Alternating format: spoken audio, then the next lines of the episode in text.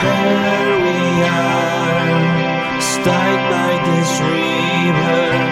You and I, underneath a sky that never falls.